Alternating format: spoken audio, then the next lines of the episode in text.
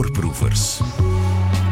Toen ik hoorde dat er in onze voorproevers Grabbelton een documentaire van Werner Herzog zat, wist ik het wel. U weet wel, Werner Herzog, de legendarische regisseur van Agire Zorn des Gottes en Fitzcarraldo. Bekende cultfilms met die, met die waanzinnige acteur Klaus Kinski, maar ook van fantastische documentaires als Grizzly Man. Iedere gelegenheid om mij te laven aan zijn smeuige Engels met die joekel van een Zuid-Duits accent laat ik niet aan mij voorbij gaan. Het maakt niet uit waarover de Werner het heeft. Ik ben er altijd mee. Sometimes there are coincidences that fall from seemingly nowhere. For many years, I was fascinated by the mysteries of our brain about visions and storytelling. Ah, dat is dus mijn haardvuur. Hè? Heerlijk. Theater of Thought uh, is een nieuwe film van hem. Gaat over het menselijk brein. Werner reist de wereld rond en praat met een heleboel onderzoekers en wetenschappers in het veld. Dat ging mijn petje ver te boven. En dus vroeg ik aan Rudy Dogen, professor biologische psychologie aan de KU Leuven en hoofd van het laboratorium voor biologische psychologie, om met mij mee te kijken. Professor Dogen, welkom. Kende u Werner Herzog? Niet heel goed eigenlijk. Uh, ik kende zijn, zijn speelfilms ken ik eigenlijk niet, uh, maar, uh, maar ik kende hem meer als documentairemaker. van een aantal prachtige documentaires trouwens de laatste jaren. Ja, we duiken zo meteen in zijn nieuwe documentaire. we gaan diep onze hersenen in samen met professor Rudy Dogen. Voorproevers. Radio 1. De grote Werner Herzog maakte een film over ons brein, Theater of Thought. Bij mij zit professor Rudy Dogen, professor biologische psychologie aan de KU Leuven. Wat mij niet helemaal duidelijk was, professor, wat wil Werner Herzog precies te weten komen in deze film? Uh, wel, dat is mij ook niet helemaal duidelijk geworden. Ik vond het een, een leuke film om te zien, maar het verhaal is uh, bijzonder associatief, zal ik het maar noemen. Ja, hij, hij noemt het zelf een roadtrip ja. uh, op zoek naar ja, wat iets. Hij wil veel te weten komen over onze hersenen. Ja, ja, nu op dat uh, punt schiet het misschien wat tekort, hè, want we leren niet zo vreselijk veel over onze hersenen. We leren wel uh, iets over zijn fascinatie natuurlijk, hè, met, uh, met de mogelijkheid om onze gedachten te lezen. Ja.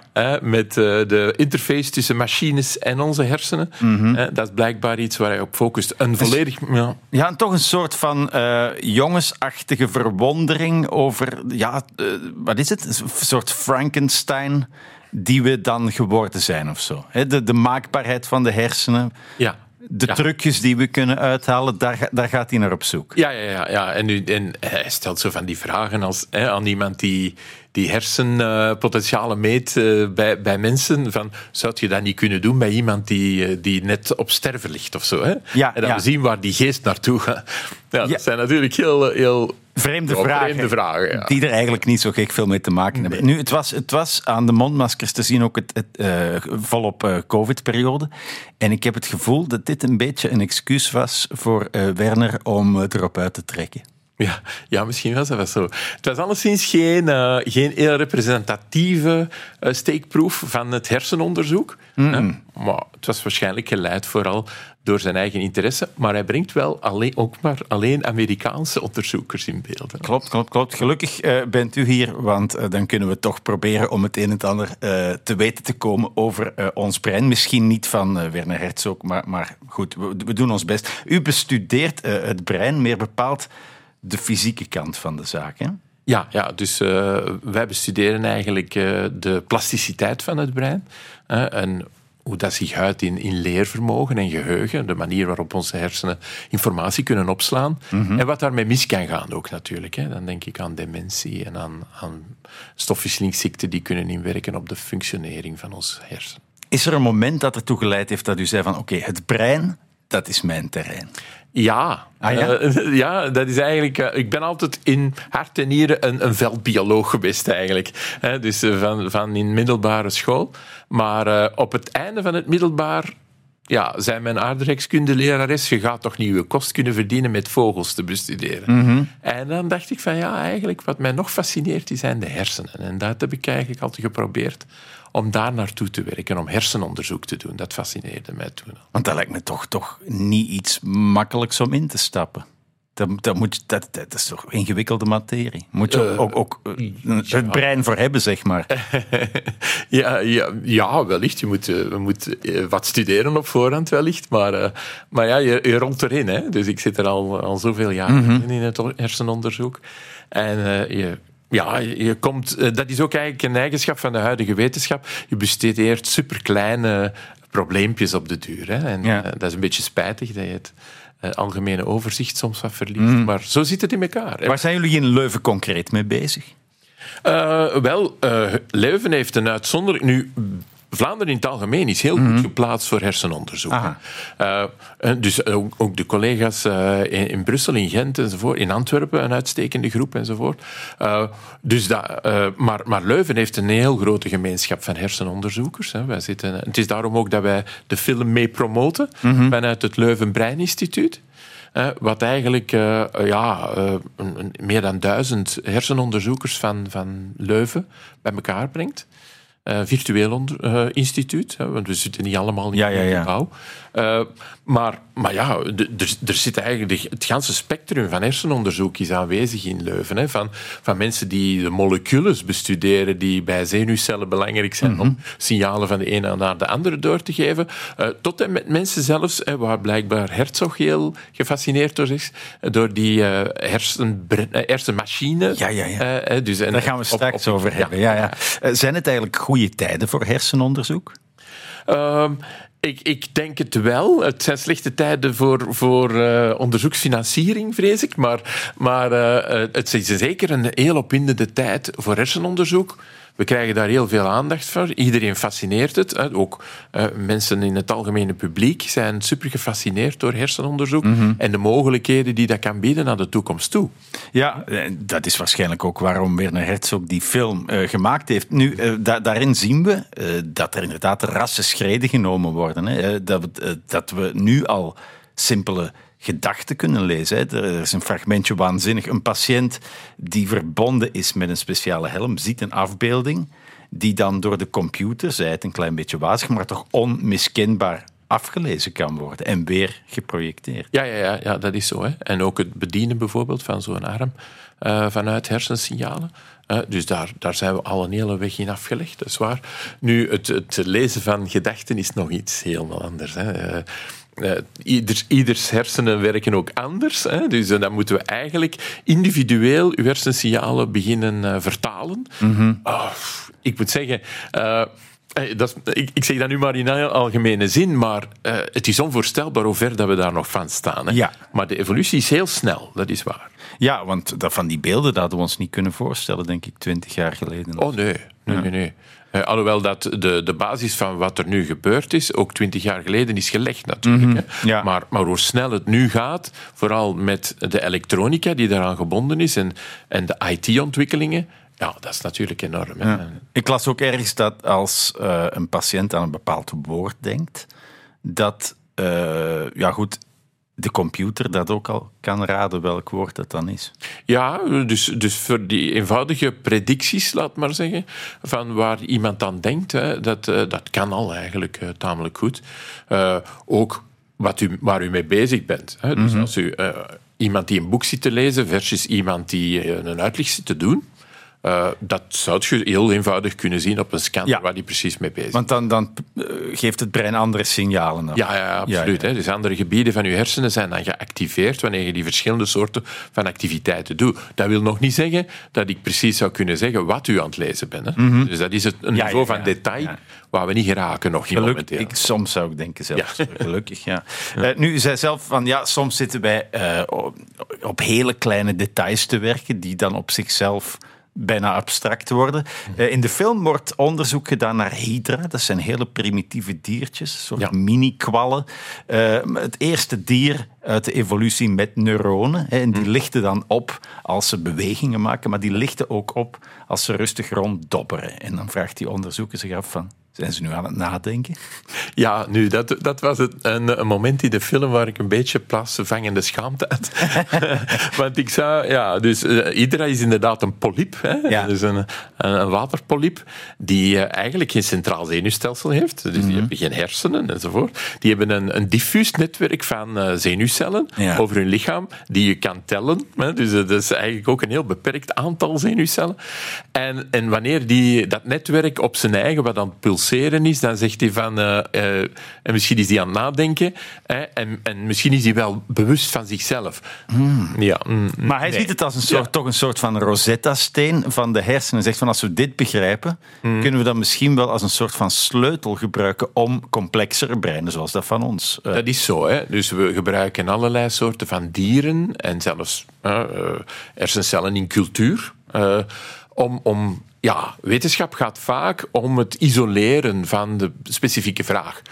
Als u zegt van ja, ik wil zien hoe bepaalde zenuwcellen met elkaar communiceren.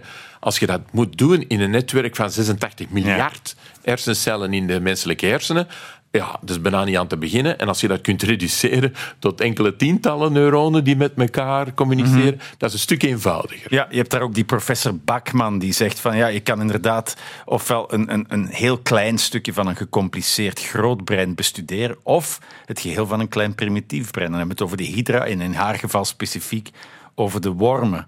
Is dat aantrekkelijk als, als onderzoeker om, om dan zoiets toch compleet te bestuderen in zijn, in zijn geheel? Ja, ehm, wij, wij krijgen ook vaak de, de vraag hè, met ons soort van onderzoek van eh, moet je dat doen op eh, dieren? Ja. Hè? Eh, op wormen of, of wat dan ook. Hè? Wij gebruiken vaak ratten of muizen. Eh, is dat nodig? Ja. Hè? ja, dat is zo. Hè? Dus is eigenlijk waar u ook naar verwijst. Het is soms nodig om, wanneer je de controle van het zenuwstelsel over het gedrag wil bestuderen, dat je natuurlijk het ganse organisme nodig hebt ook. Hè? Dus Ja. het, het organisme moet zich gedragen op een specifieke manier. Hè? Zelfs wormen kunnen dingen leren. Hè? Dus dat, ze, ze kunnen zelfs een aantal eenvoudige gedragingen stellen. En dat is interessant om te bestuderen natuurlijk. Ja, ja, ja. eh, Wat, wat gingen ze doen? Ze gingen ze langs, langs elkaar aan. Eh, ja, die een beeldjes worden ook Ja, ja, dat is eh, mooi. toont, Ja. Een soort van dans, Ja, ja, wormendans. Kleine Ja, ja. spoelwormpjes die zijn wel enkele millimeter groot. hè. C. elegans. Ja. Ja, Eh, want eh, ja, ze willen natuurlijk eh, in kaart brengen wat het, wat het brein is en het brein begrijpen. In het begin eh, van de film zien we eh, Christophe Koch, een eh, onderzoeker met een accent dat bijna aan dat van Werner Herzog kan tippen. En hij, hij legt het hem zo uit, heel plastisch. So the the what, what makes human human and our thoughts and our memories and our thoughts are really this outermost layer of the brain called the cortex. And it's a it's a two-dimensional sheet. It's like it's it's this size. I cut it out to be this size. It's uh, the size of a of a pizza, 12 to 14 inch pizza, roughly the the thickness, you know, of a pizza with with some with some extra cheese on top and it's highly f- uh, folded like this, and you have one on the left and one on, on the right. And the, the central mystery, the central mystery of the ancient mind body problem is how does thought, how does conscious, how does color and motion and pain and pleasure and love and hate, how does that emerge from this tissue? Because we know that if you stimulate this tissue, you can get all these thoughts and, and pain and love and hate. So, how does it happen? Ja, hij zegt, het brein zijn eigenlijk eh, twee grote opgeformelde pizza's, links en rechts. Ja. En, en, en dan in bepaalde delen, waarbij een echte pizza misschien een champignon of een stukje ham zou liggen, daar zit dan dat centrum van de taal, of daar zit dan dat centrum dat onze bewegingen controleert. Is dat goed uitgelegd? Eh, ja, nu, ja en nee zou ik weer zeggen. Eh, als, als zij het het ganse brein eh, terugbrengt tot alleen die cortex, hè, dus dat is eigenlijk de buitenste schorslaag Ja. van onze grote hersenen.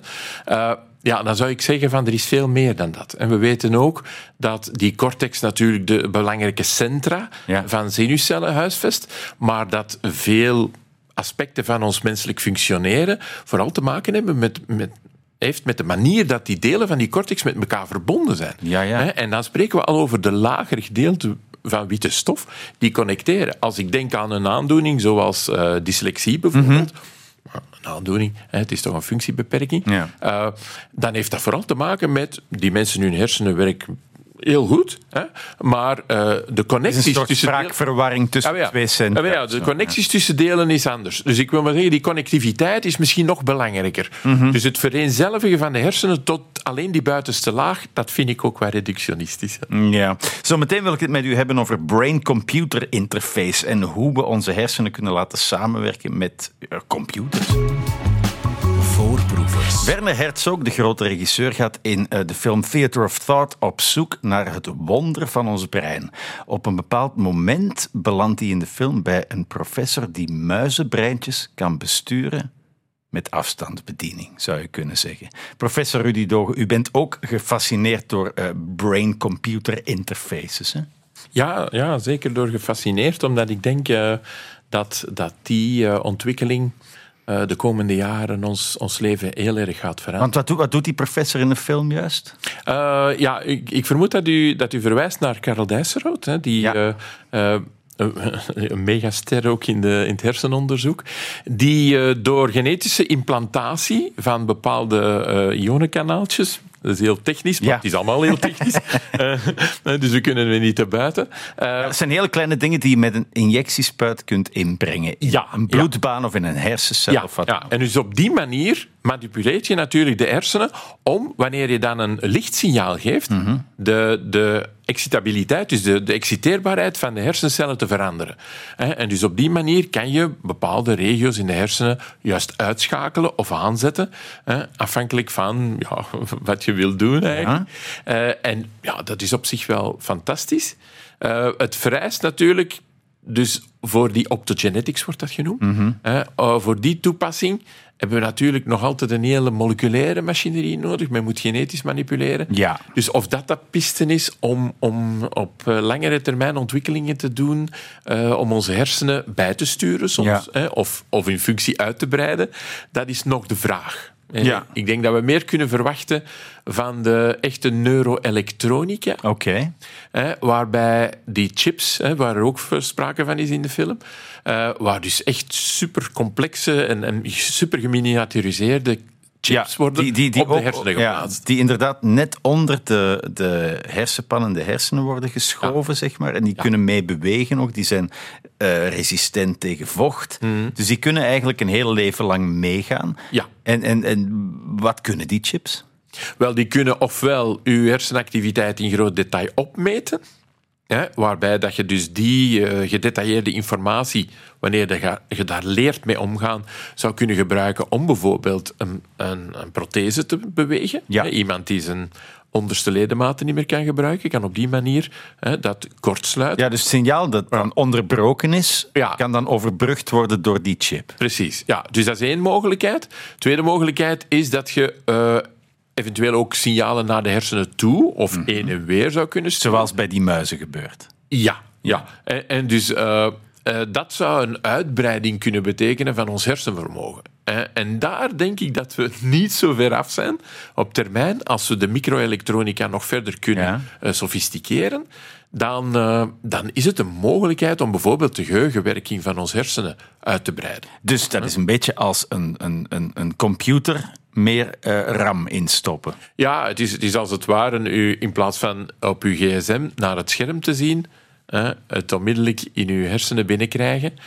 En dus op die manier communiceren met, met uw elektronica bijvoorbeeld. Ja. Eh, wat, wat, op zich, wat ik op zich wel fascinerend vind. Ja, ja, ja. En waar ik denk dat ook fantastische toepassingen voor kunnen zijn. Want het menselijk geheugen is super inaccuraat Mhm. en beperkt. Als we dat accurater en uitgebreider zouden kunnen maken, dat zou toch een hele verwezenlijking kunnen zijn. Ja, menselijk geheugen is inaccuraat. eh, in die zin dat, we, dat, dat onze herinneringen eigenlijk niet te betrouwen zijn, omdat we voortdurend verhalen verzinnen. Dat lijkt wel de functie van het brein te zijn, de ultieme functie. Ja, dat is zo. Hè? Dat is ook een beetje waar hij ook naar verwijst, hè? die theater of thought. Ja. Ehm, ja, en, en dat is ook zo. Wanneer, wel, dat heeft te maken, wat u naar verwijst, heeft te maken met het feit wanneer we iets uit ons geheugen ophalen, dat we telkens opnieuw dat verhaal construeren. Ja. We construeren dat opnieuw en dan slaan we dat terug op. Daarom, als we dan een, eh, een, iets ophalen van jaren geleden en we zouden de film zien van wat er Ja, toen ja, ja. gebeurd is, zouden we schrikken van hoe weinig accuraat dat nog is. Want je hebt dat zoveel keren opgehaald, Mhm. terug geconstrueerd en terug, hè, dus eigenlijk een beetje toegevoegd zelf. Er zijn ontelbare verbindingen gemaakt, waardoor er ondertussen dingen veranderd zijn. Of... Precies, ja. En, en dus dat is ook al lang aangetoond dat bijvoorbeeld getuigenverklaringen, hè, mensen kunnen... hè, eh, Overtuigd zeggen van die man ja. een rode jas aan. Ja. Ja, ja, ja. Dus eh, ik, nou, nee, ik heb die persoon daar gezien. Hè, eh, 100% zeker en, en dat het blijkt absoluut niet waar te zijn. Hè. Eh, dus getuigenverklaringen zijn, zijn inaccuraat. En dat bedoel ik kijken ook met, die- met de werking van ons geheugen die we zouden kunnen beter maken op die Ja, manier. ja, ja. Eh, nu, wat ik ook interessant vond, is dat we eventueel een verbinding zouden kunnen maken door die eh, brain-computer interfaces van brein naar brein. Ja, ja, ja. ja, ja, ja. En dan heb je het over een soort telepathie, of, of geassisteerde telepathie. ja, ja, strikt genomen in de, in Ja, ja, ja. de parawetenschappen hè, eh, is telepathie zonder enig device. Ja, ja, ja, maar goed. Ja, met, een- met een klein beetje hulp, maar toch, het effect zou hetzelfde zijn. Ja, ja, ja, ja. Dus en, en is dat compleet ondenkbaar? Nee, theoretisch gezien nee. Als je zegt van we extrapoleren van wat er nu kan hè, en wat er misschien binnen 150 jaar kan. Maar we zijn er nog wel heel ver vanaf, denk ik. Hè. Want er wordt dan gefas- eh, ge- ge- ge- gefantaseerd over, ja, kan ik dan gaan praten met een kolibrie als, als we met elkaar verbonden zijn? Ja, precies. Ja. Ja. Of, Die- of, of als ik op een knopje duw, meer in de leefwereld van Werner Herzog, eh, proef ik dan ineens een schnitzel. Ja, ja, ja, precies. Ja, dat, is echt- ja, dat is natuurlijk eh, heel Beiers, hè, om daar meteen aan... Of een Weisswurst. Ja, Exact. Ja, Eh, nu, eh, eh, ehm, we zien ook eh, de wonderlijke werking van die implants, eh, die bijvoorbeeld een Parkinson-patiënt normaal kunnen doen lopen. Ja, ja, ja, en dat is natuurlijk fantastisch. Dat is iets dat nu al gebeurt. Hè. Dus eh, men, bij, bij Parkinson sterft een bepaald deel van uw hersenen af. Hè. En men kan dat dan, wanneer dat proces van degeneratie bezig is, kan men dat medic- medicamenteus ondersteunen. Dat was al een mirakel op zich. Hè, want op die manier heeft men Parkinson-patiënten die vroeger vastzaten in hun stoel, eh, laten opstaan en rondlopen. Hè. Dus dat Ja. is al fantastisch. Maar natuurlijk, dat is eindig, dat proces. Vanaf een bepaald moment eh, kunnen Parkinson-patiënten in een stadium geraken waar de medicatie niet meer helpt. Ja. Niet bij iedereen, maar dat kan. Hè. En dan heeft die nieuwe ontwikkeling toch de mogelijkheid gemaakt om dat hersencentrum dan elektrisch te stimuleren. Eh, en dat, dat biedt een oplossing voor mensen die eigenlijk vroeger end of the road waren Ja. In therapeutische opvolging, om nu dat toch nog een mogelijkheid te hebben. Het is ook nog vaak tijdelijk hoor, maar, eh, maar, maar het zijn pra- prachtige ontwikkelingen. Hè? Dat, Ja. dat is zeker zo. Ik vond het ook heel wonderlijk om te zien hoe iets synthetisch als glasve- glasvezel eigenlijk prima in staat is om te communiceren met onze organische zenuwen. Ja. Dat we eigenlijk heel maakbaar zijn, nu al. Eh, ja, nu, er is weinig, eh substra- allee, er is weinig orgaan in ons lichaam dat zo plastisch is, dat zo kneedbaar is aan de hersenen natuurlijk. Ja. Dus dat is zo. Hè. Dus dat is, ons, ons brein is maakbaar tot op het einde van ons leven. En gelukkig maar. Hè. Anders zouden we niks niet meer kunnen onder, onthouden als we, als we ouder, ouder zijn. Dat is dus niet. Hè. En we kunnen nog nieuwe dingen leren, zelfs op hoogbejaarde leeftijd. Dus het is zo. Maar waar u naar verwijst, is natuurlijk een toepassing. Normaal gaat ons hers, gaan onze hersenen niet reageren op een lichtprikkel. Nee. Maar met bepaalde manipulaties eh, gaat dat. Ja, daar maken ze die glasvezel zo van vorm dat die eigenlijk direct kan verstrengelen met een zenuw, geloof ik. Hè? En, en, en zo eigenlijk dezelfde taal gaan spreken bijna. Ja, ja maar, maar dus nog niet één op één. Ah, oké, We oké, oké. We moeten nog altijd een. Komt, komt allemaal goed. Stemt allemaal heel hoopvol, zou ik zeggen. Maar er is ook een, een schaduwkant, professor. En daarover zometeen mee. Voorproevers. Radio 1. Er wordt ontzettend veel vooruitgang geboekt eh, in hersenonderzoek. Eh, dat eh, roept ook vragen op, professor Rudy Dogen. Ethische vragen ook. Ja, ja, absoluut. Natuurlijk. Ja, ja. Eh, wordt ook een beetje aangekaart eh, in de film. Eh, en ja, ja, we kunnen natuurlijk allerlei horrorverhalen daarbij bedenken. Hè. Dus een, een van de mensen die worden geïnterviewd spreekt bijvoorbeeld van... Het zou fantastisch zijn als natuurlijk een, eh, een reclamefirma zou kunnen het, het, het merk van hun klant in uw hersenen laten spelen. En uw hersenen op die manier manipuleren. Dat je niks anders kunt denken dan aan Coca-Cola en niet meer aan Pepsi. Maar... eh, Dat gebeurt nu al, maar dat is meer subliminaal. ja, ja, ja. ja. Men, eh, dus, dus ja, en ook die, daar, daar gaat heel veel geld in. Ja, ja, ja. Dus zou je die mensen helemaal vertrouwen dat als ze het zouden kunnen, het niet zouden doen? En ja, dat is natuurlijk nog iets anders. Maar eh, ja, de fact, hè, er komt zoveel techniek bij om dat te doen. Ja, ja. We zijn er ook nog helemaal niet om dat te kunnen. Hè. Maar, maar, maar het is wel iets waar we mee moeten rekening houden. Nu, Mhm. een pertinente opmerking daar van een van die ethici vond ik wel van... eh, we lopen vaak achter Ja. op de mogelijkheden. Ja, want dan dan hebben we het over neural privacy, hè? De, de, Mhm. de- de- de pri- privacy in ons, in ons brein. Wat moet ik mij daarbij voorstellen? Ja, ja, dus men, eh, men verwijst naar, naar het voorbeeld van ja, iemand zit in de rechtszaal, pleit onschuldig, maar men zet hè, de helm eh, voor de hersenimpulsen op het hoofd. En, en daaruit blijkt dat hij zegt dat hij denkt van ja, ik ben helemaal niet onschuldig. Hè. Ja, Het is een soort leugendetector die dan echt zou werken. ja, die echt werkt dan inderdaad. Ja, dat is een goede opmerking, want de huidige werk, werken natuurlijk nog altijd niet veilig. Maar dat zou echt werken. Hè. Je zou echt eh, de, de, eh, ja, de gedachten van iemand kunnen ontcijferen. Nogmaals, we zijn er nog niet Ja. om dat te kunnen doen. Dus het is nog, nog eh, science fiction. Maar, maar, Maar goed, zelfs, zelfs als iemand voelt van ik heb het eigenlijk wel gedaan, zal er wellicht een, een, een plekje in de hersenen gaan oplichten dat we dan wel kunnen interpreteren. Zelfs al is het niet letterlijk van... Ja, ja, maar dat op één, één op één nu koppelen is niet, veel beter dan een eh, leugendetector Ah, eigenlijk nu. Hè. Dus met, wat een leugendetector doet, is eigenlijk ook de impulsen van uw zenuwstelsel, maar dan vertalen naar eh, zweten van de huid enzovoort. ja, hè. ja, Dus eh, dat, dat, dat kunnen we nog niet veel beter met Mhm. hersenscans hoor, op dit moment. Oké, dus wij hebben recht op de fysieke integriteit van onze eigen hersenen binnen onze schedelpan. Ja, ik zou toch wel zeggen van wel. Dus eh, ongewenst uw gedachten beginnen te lezen. Mm. En nogmaals, als we dat al zouden kunnen. Hè, maar zou, daar zou toch wel eh, grote vragen Ja. bij moeten gesteld En daar worden. worden ook grote vragen bij Ja. gesteld. Hè. Ja. Mensen zeggen van nee, dat moeten we eh, beschermen. Aan de andere kant, onderzoek vereist ook ja, dat, je, dat je testen doet en, en dingen gaat, gaat, gaat onderzoeken. Ook Ja. mensen met hersenletsel, die hebben ook recht op een beter leven. Precies, ja. Dat is de En dat- andere kant. Ja, en dat vond ik ook wel een goede opmerking, dat de ethicus toch zegt van ja, kijk, we lopen vaak achter, we moeten toch hè, rekening houden met wat er ongewenst zou kunnen voortkomen uit deze technologie. Maar ook, eh, laat ons ook wel opletten om onderzoek niet te overreguleren. Hè, te zeggen van ja, dit mocht je niet onderzoeken. Ja. Hè, want dat zou... Want dan ga je ook dingen missen. Precies. Hè? Eh, en, en dan gaat je onredelijke beperkingen opleggen op onderzoek. Onderzoek moet nog altijd vrij kunnen zijn. Ja. Hè? En moet ook zijn, al zijn eh, opbrengsten en voordelen aan de mensheid kunnen doorgeven. We investeren vanuit overheid enzovoort heel veel in onderzoek.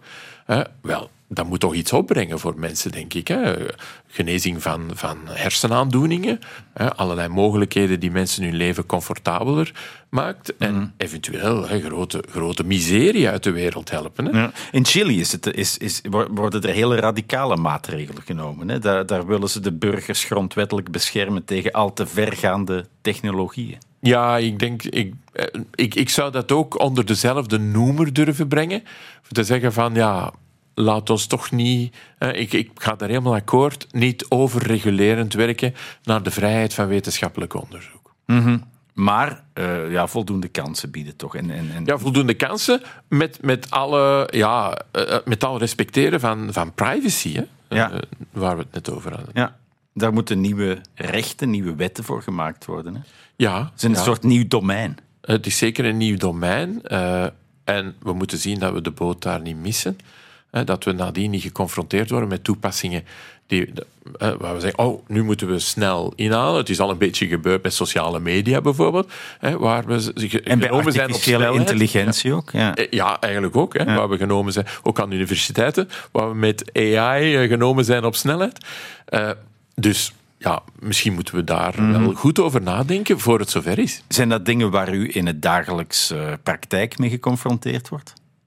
Eh, m- u bedoelt met, met die specifieke- ethische vragen? Eh, ja, eh, als, je, als je lesgeeft over hersenonderzoek aan studenten, dan komen er ook vragen terug. Hè. Dus het is continu, ook binnen het laboratorium, wordt er vaak eh, gediscuteerd over eh, ethische vraagstukken. Hè. Dat, dat, zeker als je in het vakje- vakgebied zit, dat fascineert u natuurlijk. Hè. Dus ja, eh, daar wordt ook in laboratoria en ook in collegezalen regelmatig over gediscuteerd. Dat is zeker zo. Ja.